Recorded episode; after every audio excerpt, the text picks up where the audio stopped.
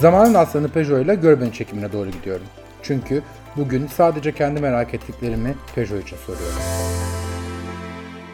Ya da beni böyle görünce kolejli gibi. Ben öyle düşünüyorum ki ben yarın da konuşacağım. Belki bizim dışımızda kimse inanmıyordu buna. Güzel bir film senaryosu. Belki de çok sevmediğim huyum yok gibi. 3 yaşındaki çocuklara kadar herkes siyaset konuşuyordu. Ben onu çünkü sindirebiliyorum artık. O tartışılmaz bir şey. Ama ben o duyguyu hiç yaşamadım gerçekten. Böyle bir ön sezi vardı, öngörü vardı içimde. Keşke yanılsaydım. Yani Öyle bir gelenek vardı Trabzon'da. Bilmiyorum başka ailelerde var mı? Çok üzgünüm. Keşke yapmış olsaydım. Ekrem olduğu için söylemiyorum. Eşim olduğu için hiç söylemiyorum. Gerçekten sevgi yolunda emek verilecekse biz kadınlar olarak biz başaracağız bunu. Ben gerçekten öyle inanıyorum. Dilek Hanım hoş geldiniz. Teşekkür ederim. Sadece kendi merak ettiklerimi soruyorum. E, öncelikle sesim için özür dilerim. Ben Urfa'ya bir geziye gittim. Sıra gecesinde o kadar şarkı söyledim ki sesim gitti. Ama e, bu programda konuklar e, benden daha çok konuşacakları için çok sorun olmaz ama sesimi duyuyorsunuz değil mi? Tabii ki duyuyorum. Duyuyorsanız sorun yok. Dilek Hanım e, öğretmensiniz değil mi? Ee, evet, şu anda doktora yaptığım e, üniversitede öğretim görevlisiyim. Hangi üniversitede? Arel Üniversitesi. Hangi bölümde doktora yapıyorsunuz? Ee, yönetim organizasyon bölümünde doktora yaptım. Şu anda tezimi yazıyorum. Hayır, yeterliliği falan verdiniz ya. Tabii ki. ne konuda yazıyorsunuz tezinizi? Liderlik üzerine. Oo, Ekrem Bey'e faydası olsun diye mi? Evet, Ekrem Bey'e faydası olur. Tabii ki Türkiye'ye de faydası olacak. Güzel bir tez çıkacak ortaya. Ee, demokratik ve otokratik liderlik tarzlarının araştırıldığı bir tez. Güzel bir konum var. Vallahi güzel konuymuş. ben sizi niyeyse hep orta öğretimde öğretmen falan diye düşünüyordum.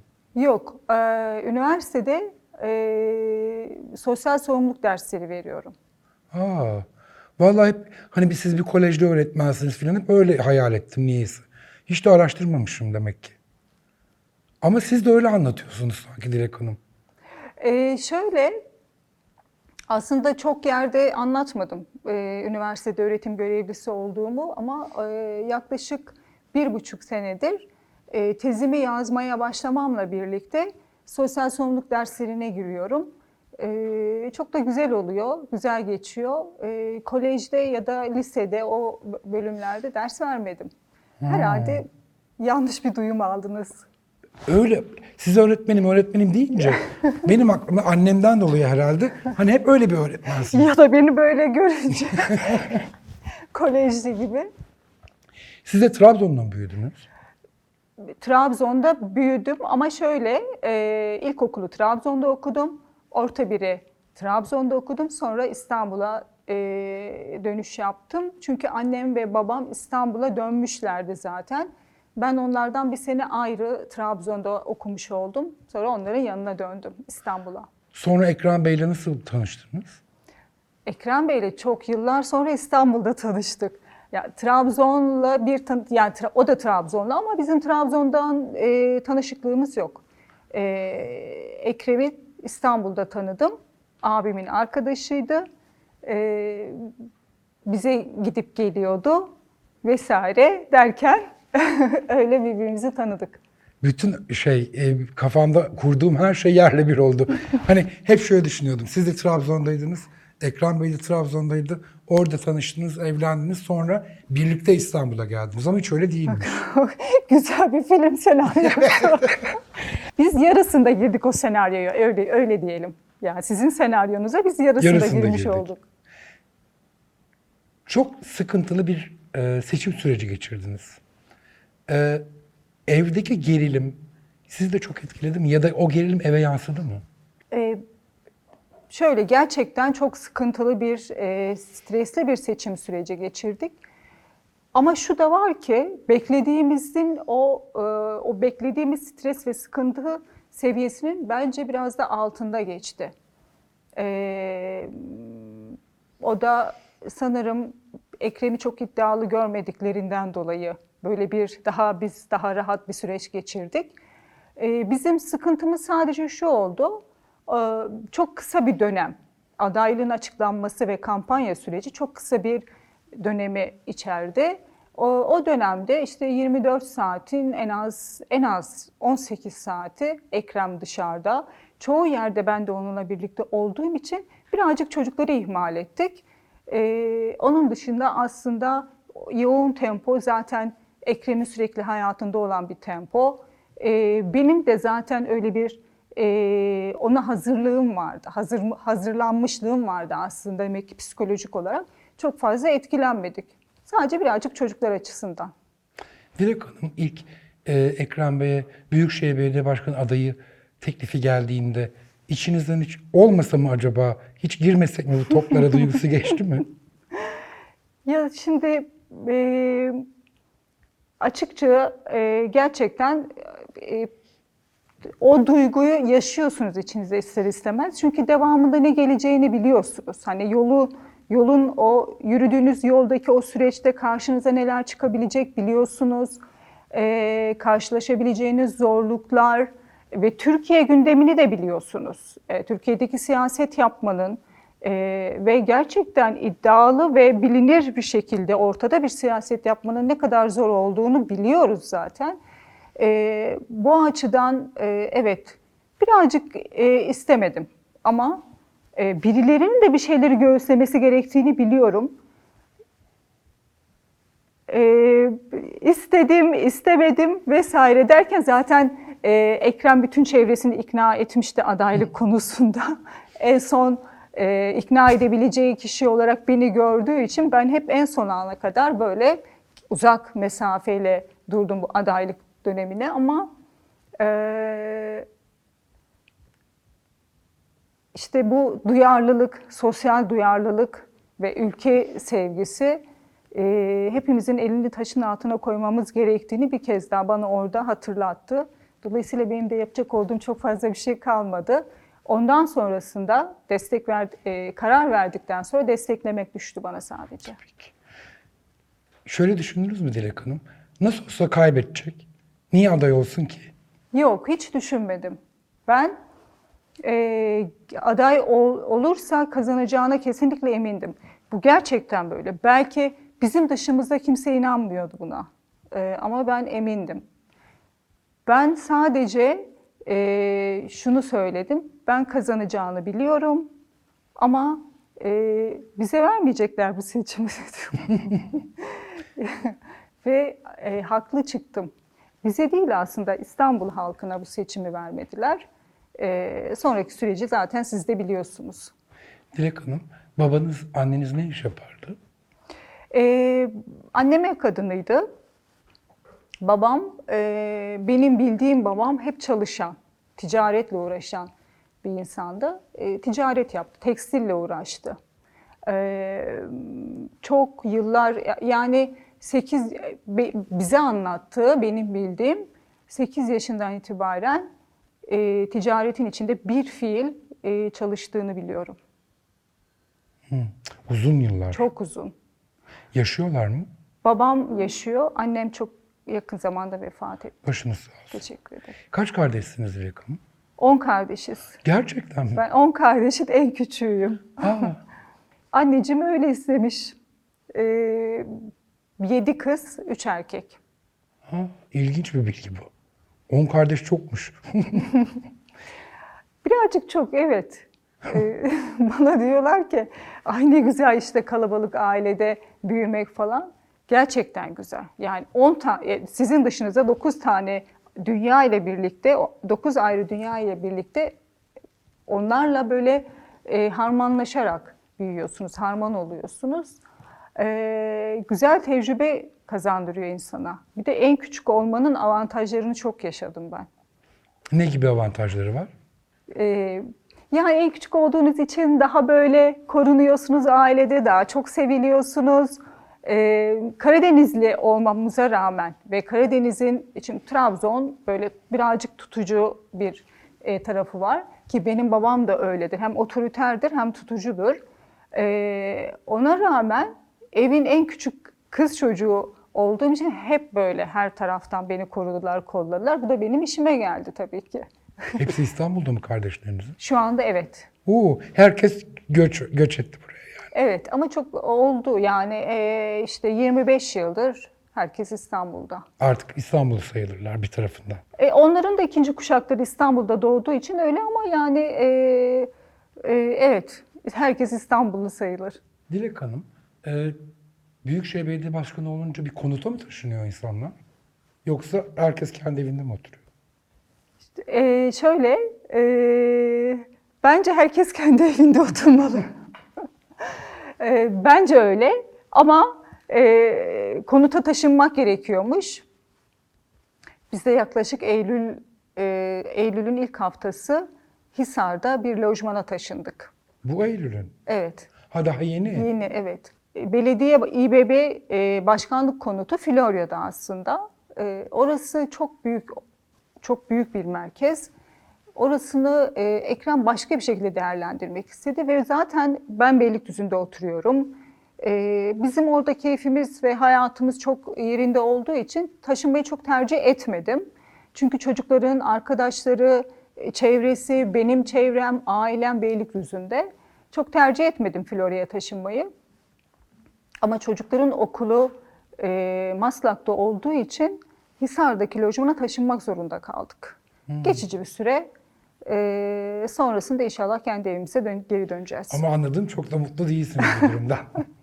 Öyle anlıyorum. Ya şöyle, o biraz e, benim kendi içsel duygum. Yani e, kendi evimde ben aile kavramını, yuva kavramını çok seviyorum. Ve yaşadığım yerde anılar biriktirmeyi çok seviyorum. Ve o yere kendimi gerçekten bütünüyle ait hissetmek istiyorum, yaşadığım yere. E, burası, bunun için de insanın en güvenli yeri kendi evi diye düşünüyorum. O yüzden kendi evimi daha çok tercih ediyorum. Muhtemelen siz de evinizden oraya hani özel parçalar bir şeyler götürmüşsünüzdür. Tabii ki, tabii ki aksesuar eşyalarımı ve bir takım e, ufak tefek eşyaları götürdüm tabii ki. Ekrem Bey e, aday olduğu sürede çok negatif propaganda yapıldı. Twitter'da, sosyal medyada. Etkilendiniz mi bunlardan Dilek Hanım? Yok, e, şöyle orada e, hep işiniz şeye dönüyor. Hani çünkü e, hayata bir can getiriyorsunuz ya.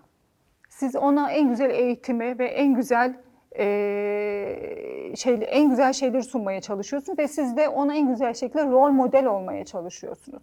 Sosyal medya o kadar şu anda bir sosyal medya ile iç içe yaşıyoruz ki benim görmem önemli değil. Yani ben görürüm, ben onu çünkü sindirebiliyorum artık. O tartışılmaz bir şey. Ama çocukların onlara maruz kalması birazcık insanı üzüyor. Onları o o taraftan biraz soyutlayıp e, ya da onları teselli etmek biraz daha zor oluyor. Onlar o olumsuz eleştirileri okuduğunda e, o taraftan birazcık sıkıntımız oluyor. Yoksa diğer e, yani sonuçta siz kendinizi biliyorsunuz, içinizi biliyorsunuz, yüreğinizi biliyorsunuz, yapmak istediklerinizi biliyorsunuz. Dışarıdan ne gelirse gelsin onlara böyle bir duvar olmayı becerebiliyoruz. Çünkü öyle olmak zorunda. Ama çocuklar etkilenmesin dedi. Çeşitli önlemler mi alıyorsunuz? Evet.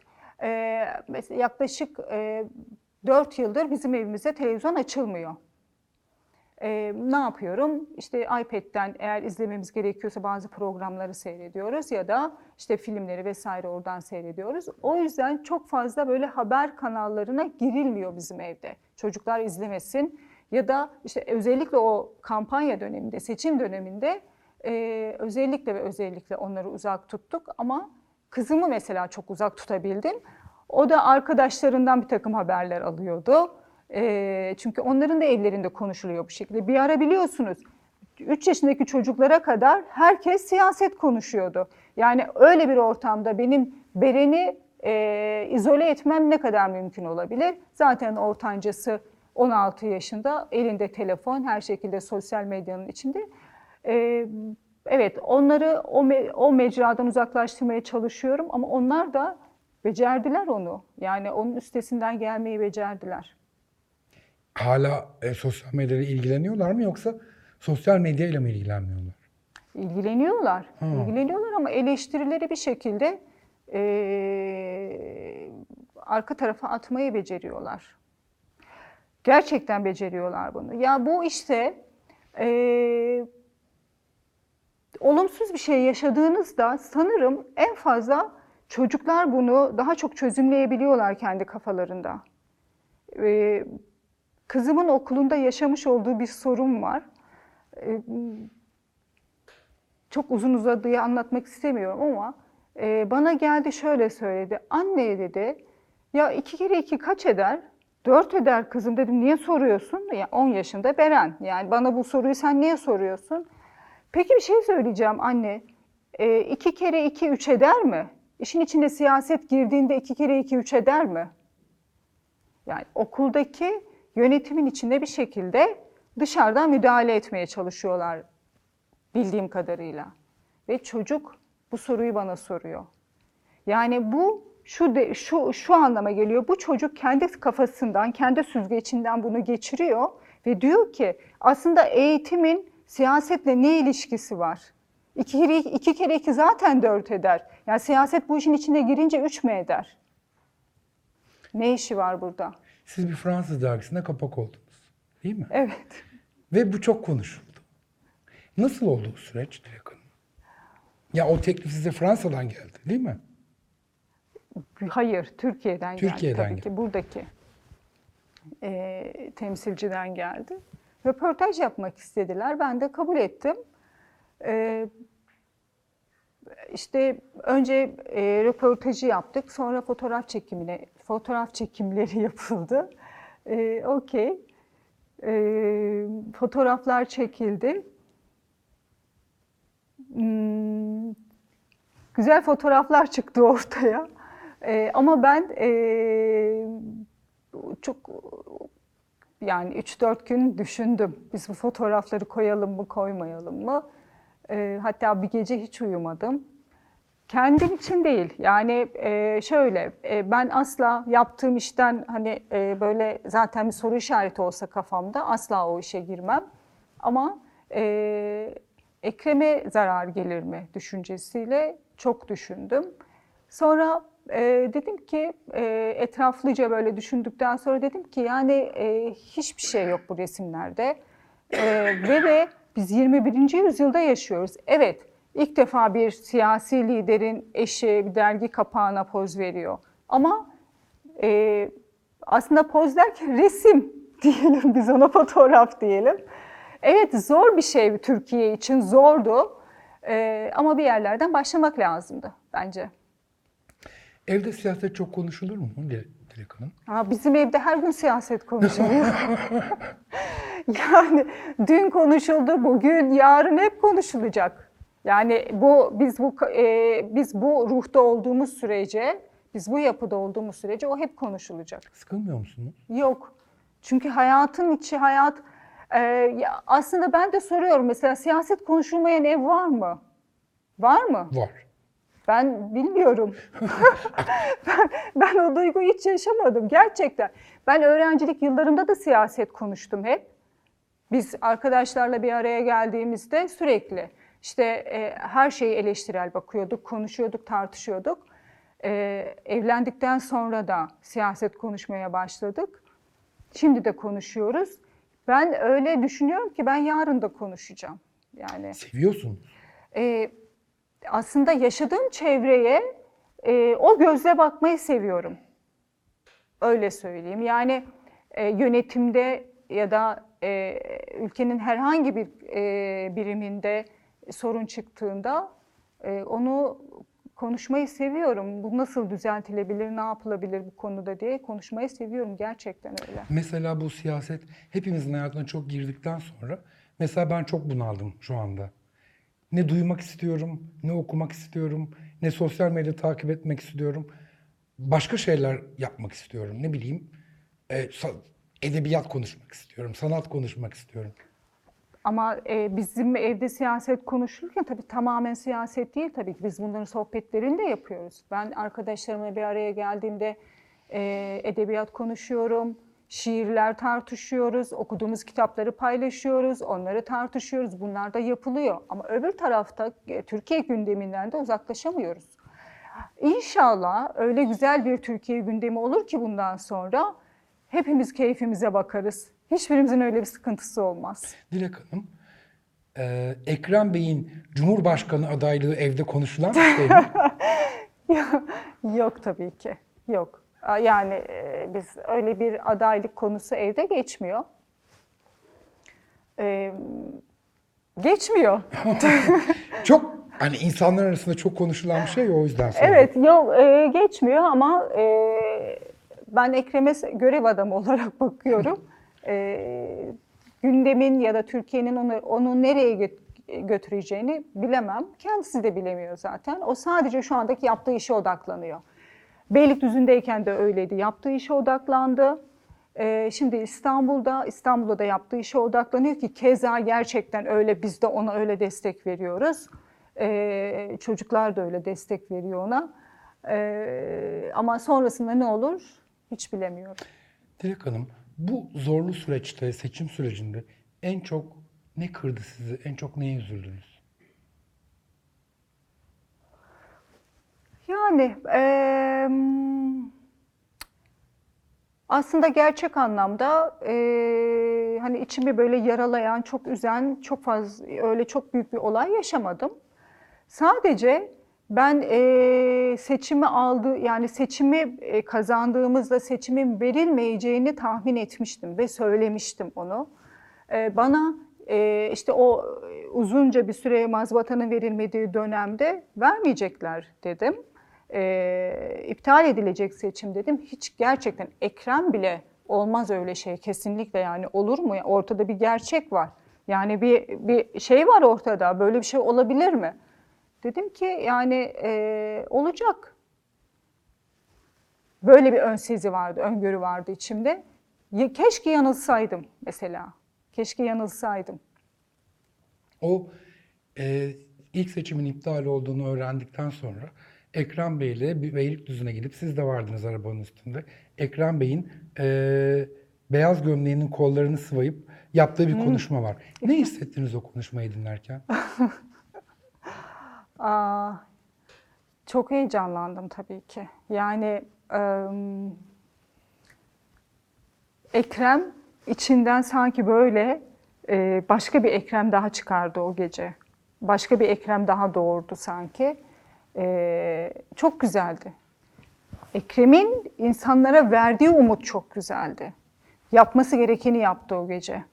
Hepimizin tüyleri diken diken oldu. Ee, Ekrem orada konuşurken ben ön tarafta oturan insanların gözlerinin içine baktım. Ee, hala tüylerim diken diken oluyor. Ee, yani hani bize bir şey söyle ki bize umut ışığı olsun, umut olsun. Hani biz bu, bu işten nasıl çıkacağız, nasıl ayağa kalkacağız? Ee, başarıyla kalktık hepimiz ama. Hepimiz, bütün İstanbul bu işin altından başarıyla kalktı. Dilek Hanım mutlu bir çocukluk mu geçirdiniz? Çünkü kalabalık bir ev. e, hani anne baba sevgisi çok kardeşle bölünür. E, bazen kardeşler birbirine işte iyi anlaşamaz. Siz mutlu bir çocuk muydunuz? Mutlu bir çocukluk geçirdim. Ee, annemle çok iyi anlaşıyordum. Ee, ablalarım vardı o zaman ben büyürken bekar ablalarım vardı, abimler vardı. Ve ben e, şımarıktım evde. Yani çok fazla şımarıklık yapıyordum onlara. E, babamla aramızda çok mesafe e, vardı. Yani biz o hep mesafeyle büyüdük. Biliyordum babamın da içten içe e, çok sevdiğini, o, o, o sevgiyi de içimde hissederek büyüdüm. E, babamın uğurlu kızıydım. Öyle Ha, öyle görüyordum. mi? Şöyle bir gelenek vardı. Baba e, evden çıkmadan önce, şimdi işe gidecek, işte dükkanını açacak. E, evden çıkmadan önce evde kim uğurluysa önce onu çıkartırlar. Öyle bir gelenek vardı Trabzon'da, bilmiyorum başka ailelerde var mı? E, o da e, önce beni çıkartırdı, sonra içeriye girerdi, sonra kendisi çıkardı. Böyle bir gelenek vardı.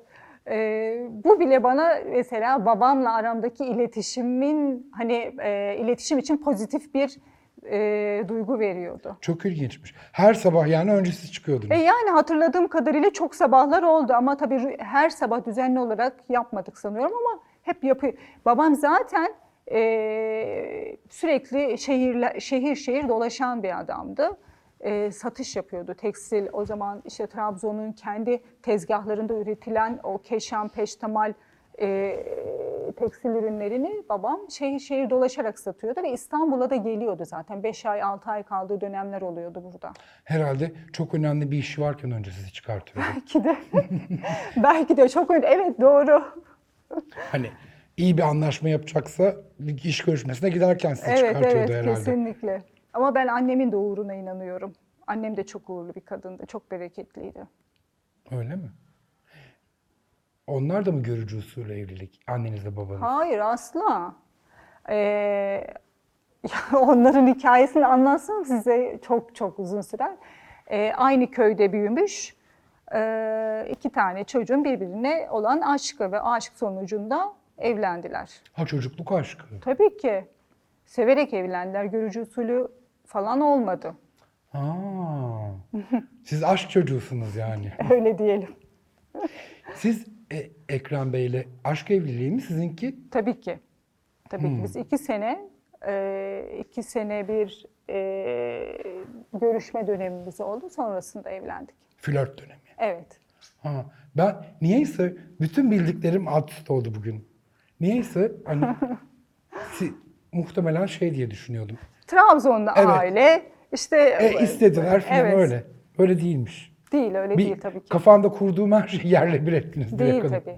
Zaten ben e, hiç evlenmeyi düşünmeyen bir insandım. Ki ben görücü usulü mümkün değil yani öyle bir şey. Hiç evlenmeyi düşünmüyordum o dönemlerde. Siz genç mi evlendiniz? 21 yaşında evlendim. Çok gençmiş. Evet birazcık erken evlendim. E, iyi ki de evlenmeyi düşünmüyormuşsunuz Dilek Hanım. Yani karşınıza Ekrem gibi bir kararlı bir insan çıkınca yapacak bir şey kalmıyor. ha ısrar etti Ekrem Bey. Ee, şöyle biz çık e, flört etmeden e, bir 6-7 ay kadar önce o her şeyi kafasında kurmuş, hayal etmiş zaten. Ee, bir dünya, bir hayat kurmuş tabii. O e, hayalin içerisinde ben de bir enerji yumağını düşün. Ben de böyle yavaş yavaş yürüyerek o hayalin içerisinde yer aldım. Hmm. Öyle oldu. Ekrem Bey ikna gücünü size de kullanmış. Evet ama eee, çok zor olmadı Ekrem Ekrem'in ikna etmesi. Çünkü zaten eee, hani Ekrem olduğu için söylemiyorum. Eşim olduğu için hiç söylemiyorum. Gerçekten eee, yüreği çok eee, merhametli, çok iyi bir insan. Belki onu hissettim o dönemde. Yoksa o kadar erken yaşta eee, evlilik gerçekten hiç hayalimde yoktu. Ev işleri aranız iyi mi? Hmm, çok değil aslında. Ee, sadece e, çok sevdiğim insanlara ve ben de tabii ki kendime yemek yapmayı çok seviyorum. Ee, özellikle sebze yemeklerini çok güzel yaparım. Ee, ama onun dışında e, çok aram yoktur ama titizimdir. Evde de titiz bir insanım. öyle mi? Öyle. Öyle hastalık derecesinde mi? Değil değil hayır Ee, ama düze, düzen ve tertip konusunda oldukça titizimdir. E şimdi çocuklar büyüdükçe tabii ki onları biraz kendi içimde e, aşmaya çalışıyorum. Çünkü mutlu olma mutlu olmalıyım. Onlar büyürken onlar da mutlu olsun, ben de mutlu olayım. E, birazcık o yanlarımı törpüledim. E, şimdi hepimiz rahatız. En güzel hangi yemeği yapıyorsunuz? Ben e, enginarı çok seviyorum. Enginarı, zeytinyağlı enginarı güzel yaparım. Severim de. E, Öyle Karadeniz yemekleri, fasulye kavurması. onları onları hiç yapamıyorum. Gerçekten e, sadece bir kere internetten bakarak e, bize lahana çorbası derler. E, onu yaptım ama o da fena olmadı. güzel oldu. E, evde yetişirken çok yaptırmamış anneniz belli ki. E, küçük çocuk olmanın en büyük avantajlarından bir tanesi. Sonra evlendikten sonra ağlıyorsunuz. Anne ben yemek yapamıyorum diyorsunuz. E, anne size acil yardım gönderiyor. Siz ne okudunuz Dilek Hanım? Ne bitirdiniz üniversite? Ben e, Eskişehir Üniversitesi kamu yönetimi bitirdim. Ha. E, evlendikten sonra uzaktan. E, sonra e, birkaç bitirdikten hemen sonra yüksek lisansa başladım. Kadir Has Üniversitesi'nde e, işletme MBA yüksek lisansı. E, o ara işte Semih'in hamileliği oldu. E, ben e, derslerimi bitirdim ama orada tezimi tamamlama, tamamlamadan ara vermek zorunda kaldım. Hmm, Sanırım bir 5-6 yıl sonra tekrar okula geri dönmek istedim. Bize yakın olduğu için Arel Üniversitesi'ni tercih ettim. Tezimi Arel Üniversitesi'nde tamamladıktan sonra da direkt doktora programına geçtim. Bu en sonki bir tango meselesi günlerce ortalığı yıktı kavurdu. Ee, Ekrem Bey'le bir tango ve dans yaptınız. Şöyle siyah bir elbise giydim. Cumhur 29 Ekim Cumhuriyet kutlamalarından bahsediyorsunuz. Ee, e, e, ama tango falan yapmadık. Vals. Çok fazla. Çok üzgünüm. Keşke yapmış olsaydım. Çok üzgünüm. Ya kötü değildi ya. Niye kötü dediniz? Hayır, keşke yapmış olsaydık. Çok üzgünüm diyorum. Yani hani vals yapmadık, tango da yapmadık. Sadece şey e, güzel bir akşamdı. Güzel bir kutlama oldu. E, seçim sonrasında hemen 29 Ekim kutlamaları iki gün üst üste oldu. Çok güzel oldu ve çok da güzel tepkiler aldık. Öyle siz eskiden de dansa meraklı filan bir e, kadın mıydınız? Yoksa hani bütün bunlar protokolün gereği yapılan şeyler mi? Yok. Biraz e, çok dansa meraklı birisi değildim aslında e, önceden. Dilek Hanım bu protokol meselesi sıkıyor mu insanı? Sıkıyor. Beni de sıkardı. Sıkıyor evet. Hiç protokole, protokole uygun bir e, kadın değilim öyle söyleyeyim. E, ama e, dengeyi buluyorum herhalde. Çok ne çok protokol böyle resmi oluyorum ne de e, çok serbest, free olabiliyorum. Ortada dengeyi buluyorum. Ama yorucu da bir şey bir yandan değil mi? E, ama bazı şeyleri yap- e, yapmak zorundayız. Yani hani onun da bilincinde olduğunuzda e, onun yükünü de kendi içinizde hafifletebiliyorsunuz. Birisi böyle gelip bir eğitim falan veriyor mu? Hayır, hayır. Kendiniz el yordamıyla buluyorsunuz. Yani o el yordamı mı? Sanki böyle daha önce deneyimlemiş gibi herhalde her şey. Mesela hiçbir şey yabancı yabancılamıyorum. Yani e, hani ilk defa görmüş gibi olmuyor. Bilmiyorum bir şekilde o yoluna ve rayına giriyor. Sanki daha önce yapmışız gibi geliyor. Bana çok oluyor bu mesela. Hani sanki daha önce bu hayatı yaşamışım gibi. Bunları yapmışım gibi. Bilmiyorum. Dilek Hanım, e, siyasi eşleri birbiriyle görüşüyor mu? Yoksa orada başka bir boyut mu var? İşte atıyorum mesela siz e, Kemal Bey'in eşinle sık sık telefonla konuşur musunuz? Canan Hanım'la Kaftancıoğlu'yla sık sık görüşür müsünüz? Öyle ilişkiler var mı? Yoksa hayır sadece karşılaştığımızda konuşuruz mu? Şöyle, e, birbirimize söylememiz gereken çok özel şeyler dışında öyle sosyal ortamlarda hani oturup öyle çok uzun uzun muhabbetler etmiyoruz. E, zaten Canan Hanım'la çok sık görüşüyoruz biz, biz İstanbul'daki etkinlikler dolayısıyla. E, ama Selvi Hanım'la da telefonla da olsa sık sık görüşüyoruz. Ama yüz yüze sosyal olarak hadi işte bugün birlikte yemek yiyelim ya da kahve içelim öylesine böyle bir programımız olmuyor. Zaten hani Selvi Hanım da çok meşgul bir kadın. Ee, ben de çok e, çocuklar ya da onun dışında işte e, çok meşguliyetlerim var. Onun dışında görüşemiyoruz. Başak Hanım'la e, bir e, tiyatroya gittiniz. Sonra birlikte bir doğum günü kutladınız. Sonra kıyamet koptu. Mesela bütün o kıyamet koptuktan sonra şöyle düşündünüz mü? Ya keşke de yapmasaydım. Hiç düşünmedim. Yani e, evet çok eleştiri aldık. Bana dediler ki mesela nasıl cesaret edebildin? Ben nasıl cesaret edebildin sorusuna karşılık bile verecek cevabım olmadı. Ha niye? Yani niye cesaret edemeyeyim? Ne var ki? Çünkü asıl hani ülkenin bu kadar kutuplaşmasına nasıl insanlar cesaret edebiliyor? Nasıl eee, e, katlanabiliyor? Ya ülkede bu kadar çok kutuplaşmanın e, olduğu yerde ya da kutuplaşma varken, ötekileştirme varken hani birilerinin e, işi tersine çevirmeye çalışması ya da e, barışı, sevgiye gözler önüne sermenin e, neresi kötü? Yani birileri o barış yoluna girmek zorunda ki kaldı ki e, biz kadınlar e, barış yolunda emek verilecekse sevgi yolunda emek verilecekse biz kadınlar olarak biz başaracağız bunu. Ben gerçekten öyle inanıyorum. Bunun dışında görüşmemem için bir neden yok diye düşünüyorum. Çünkü ben insan odaklı bakıyorum bütün her şeye, bütün ilişkilere. Ya benim için eee, herkes aynı. O taraf, bu taraf vesaire. Böyle bu, bu tarz ayrımları yapmıyorum. Benim için herkes aynı. Dilek Hanım, boş vakitlerinizde ne yaparsınız? Ne, ne bileyim, örgü örer misiniz mesela? Hani tığ işi yapar mısınız? Öyle şeyleriniz var. Makrame, ne bileyim, çiçek bakımı.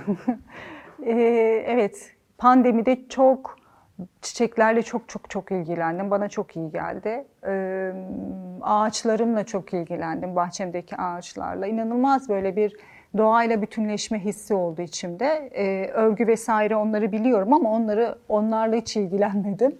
Ee, doğa benim, doğa beni iyileştirdi o dönemde.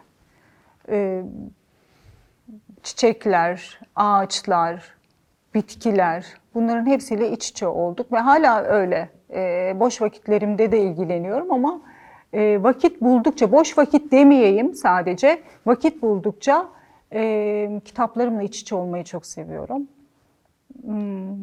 Çok okuyorsun. Masamda oturmayı çok seviyorum. Ya, okumaya çalışıyorum. Masamda oturmak derken. Çalışma masamda. Hmm. E, disiplinli bir öğretmen misiniz? Yani notunuz kıt mı? Yok. Zaten verdiğim ders e, itibariyle de çok disiplinli e, olmama gerek yok. E, sosyal sorumluluk dersi veriyorum. Notum asla kıt değil.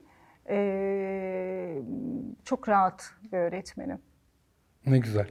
Öğrenciler çok seviyordur sizi o zaman. Biraz çocuklarıma çok sıkı annelik yapıyorum. Ondan çok şikayetçiler. E, Ha siz de öyle sıkan annelerdensiniz. Yani işte eğitim benim için hep birinci planda olduğundan dolayı boşluk e, veremiyorum, boşluk yapamıyorum.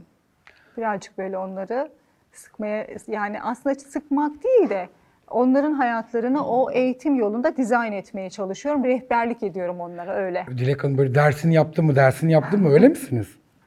ya öyle dersini yaptım mı, dersini yaptım mı değil elbette de. Tabii ki hatırlatmalar yapıyorum. Ha, aman öyle anneler bence çok sıkıcı. Neden? E çünkü bence çocuklar mesela iki kere yapmadan okula gitse, öğretmen ona kızsa sorumluluğunu almayı kendi kendine öğrenir diye Ya düşünüyorum. e, ama işte e, ben onu e, öyle olduğu zamanlarda oluyor elbette. O biraz da çocuğuna göre değişiyor. Öyle söyleyebilirim. E, mesela Se- Beren'de çok zorlanmıyorum. Çok güzel yürütüyoruz bu işi. Ama ortanca oğlumda birazcık zorlanıyorum. E, öğretmenlerle beraber biz birlikte e, çok işbirliği içerisinde birlikte götürüyoruz bu süreci. E, o yüzden öğretmen, anne, baba, e, Semih derken böyle bir üçlü saç ayağı şeklinde Semih'in hayatını koordine etmeye çalışıyoruz. Biraz yaramaz anladığım kadarıyla. Birazcık. Dilek Hanım, en sevmediğiniz huyunuz hangisi? Hmm, en sevmediğim huyum hangisi acaba? Bilmiyorum. Bazen e, bazen çok konuşuyor olabilirim. Çocukların hayatına da belki bazen çok müdahale ediyor olabilirim. E, böyle. Belki de çok sevmediğim huyum yok gibi. Ekrem Bey'in en çok hangi huyuna sinir oluyorsunuz? Ee, şöyle, e, mesela e, çok rahatsız olduğu bir şeyden böyle kendi isteğiyle o kadar güzel böyle kapatıyor ki kendini. E, o da çok sinir oluyorum. Açmaya çalışıyorum onu, kapatma diye, kendisini kapatma diye. Ona çok sinir oluyorum ama tabii ki bu da kendisi için yapması gereken şey. Koruyor bir yandan da. Değil mi? Evet. Gelecekten ne Hanım? Gelecekten ne bekliyorum? Gelecekten çok şey bekliyorum. Ee, kendi adıma, tabii ki tüm insanlık adına aslında ee, bize şu yaşadığımız e, pandemi dönemi şunu hatırlattı ki ee, ben varsam sen varsın, sen varsan ben varım. Yani hepimiz bir biriz, bütünüz. İşte gördük Çin'de çıkan bir virüsün bütün dünyayı nasıl etkilediğini gördük kelebek etkisi misali her yere yayıldı. Çünkü dünyadaki kaç milyar nüfus var bilemiyorum tam olarak ama o e, o bütün insanlığın aslında bir olduğunu ben e, biliyorum. Bütün insanlığın, gelecekte bütün insanlığın çok iyi olmasını istiyorum. Gerçekten öyle. Barış içinde, sevgi içinde. Bunu önce kendi içimizde başlatarak, kendi bireysel olarak kendi içimizde başlatıp etrafımıza yayıp kendi şehrimiz, kendi ülkemiz ve bütün dünyaya yayılmasını istiyorum. Çok fazla mı istiyorum? Yo, çok güzel istiyorsunuz bence. Davetimizi kabul ettiğiniz için çok teşekkür ederim. Ben teşekkür ederim. Sizi yakından tanımak gerçekten keyifli. Ee, bildiğim her şeyin ya da bildiğimi sandığım her şeyin yanlış olduğunu da öğrenmiş oldum böylece. Ya, belki e, eksik diyelim ama e, güzel bir sohbet oldu. Yani hani e, sizi de düzeltmiş olduk bu arada. Benim için yanlış şeyler düşünmenizi istemem. Hiç Güzel yanlış bir- şey düşünmedim Güzel canım. bir şey, güzel bir sohbet oldu. Hiç yanlış bir şey düşünmedim de hani kafanda kurduğum e, şey öyle değilmiş, bambaşkaymış. Tekrar çok Evet. teşekkür ederim. Ben teşekkür için. ederim. Ben e, bizim e, şöyle İstanbul Vakfı ile başlatmış olduğumuz bir projemiz var. Ondan kısaca bahsetmek Tabii ki. istiyorum. E, hani biz dünyanın çok güzel olmasını istiyoruz ya.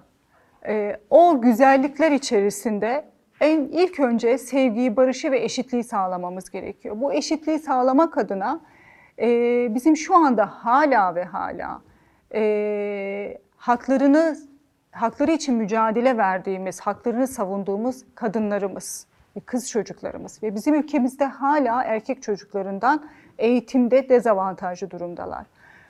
Bunun önüne biraz geçebilmek için ya da bu e, sorunun çözümüne biraz da biz e, katkı sunalım adına bir proje başlattım. Büyüt Hayallerini projesi. İstanbul Vakfı İşbirliği ile. E, o projenin ilk kitabını çıkardık biz. İlham Veren Adımlar kitabı. Bu kitapta 40 başarılı kadının hikayesi anlatılıyor. İlham veren hikayesi. E, bu kitaplardan elde ede- edeceğimiz gelirle de 200 kız çocuğumuza 11 Ekim'de duyurusunu yaptım. 200 kız çocuğumuza eğitim bursu vereceğiz. Çok güzel. Ee, Ekim bu, bu ay itibariyle eğitim bursu veriyorum ve bu gitgide çoğalsın istiyorum. Ee, bu sayıyı arttırmak istiyorum ve böylece dünyaya iyilikler yayılsın istiyorum.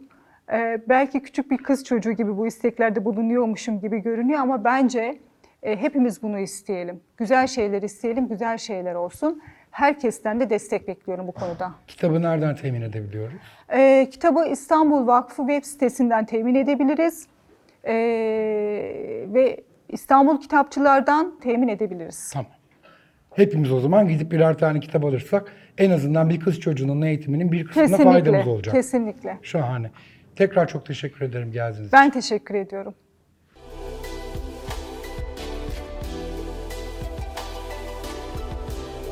Sadece kendi merak ettiklerimi Peugeot için sordum.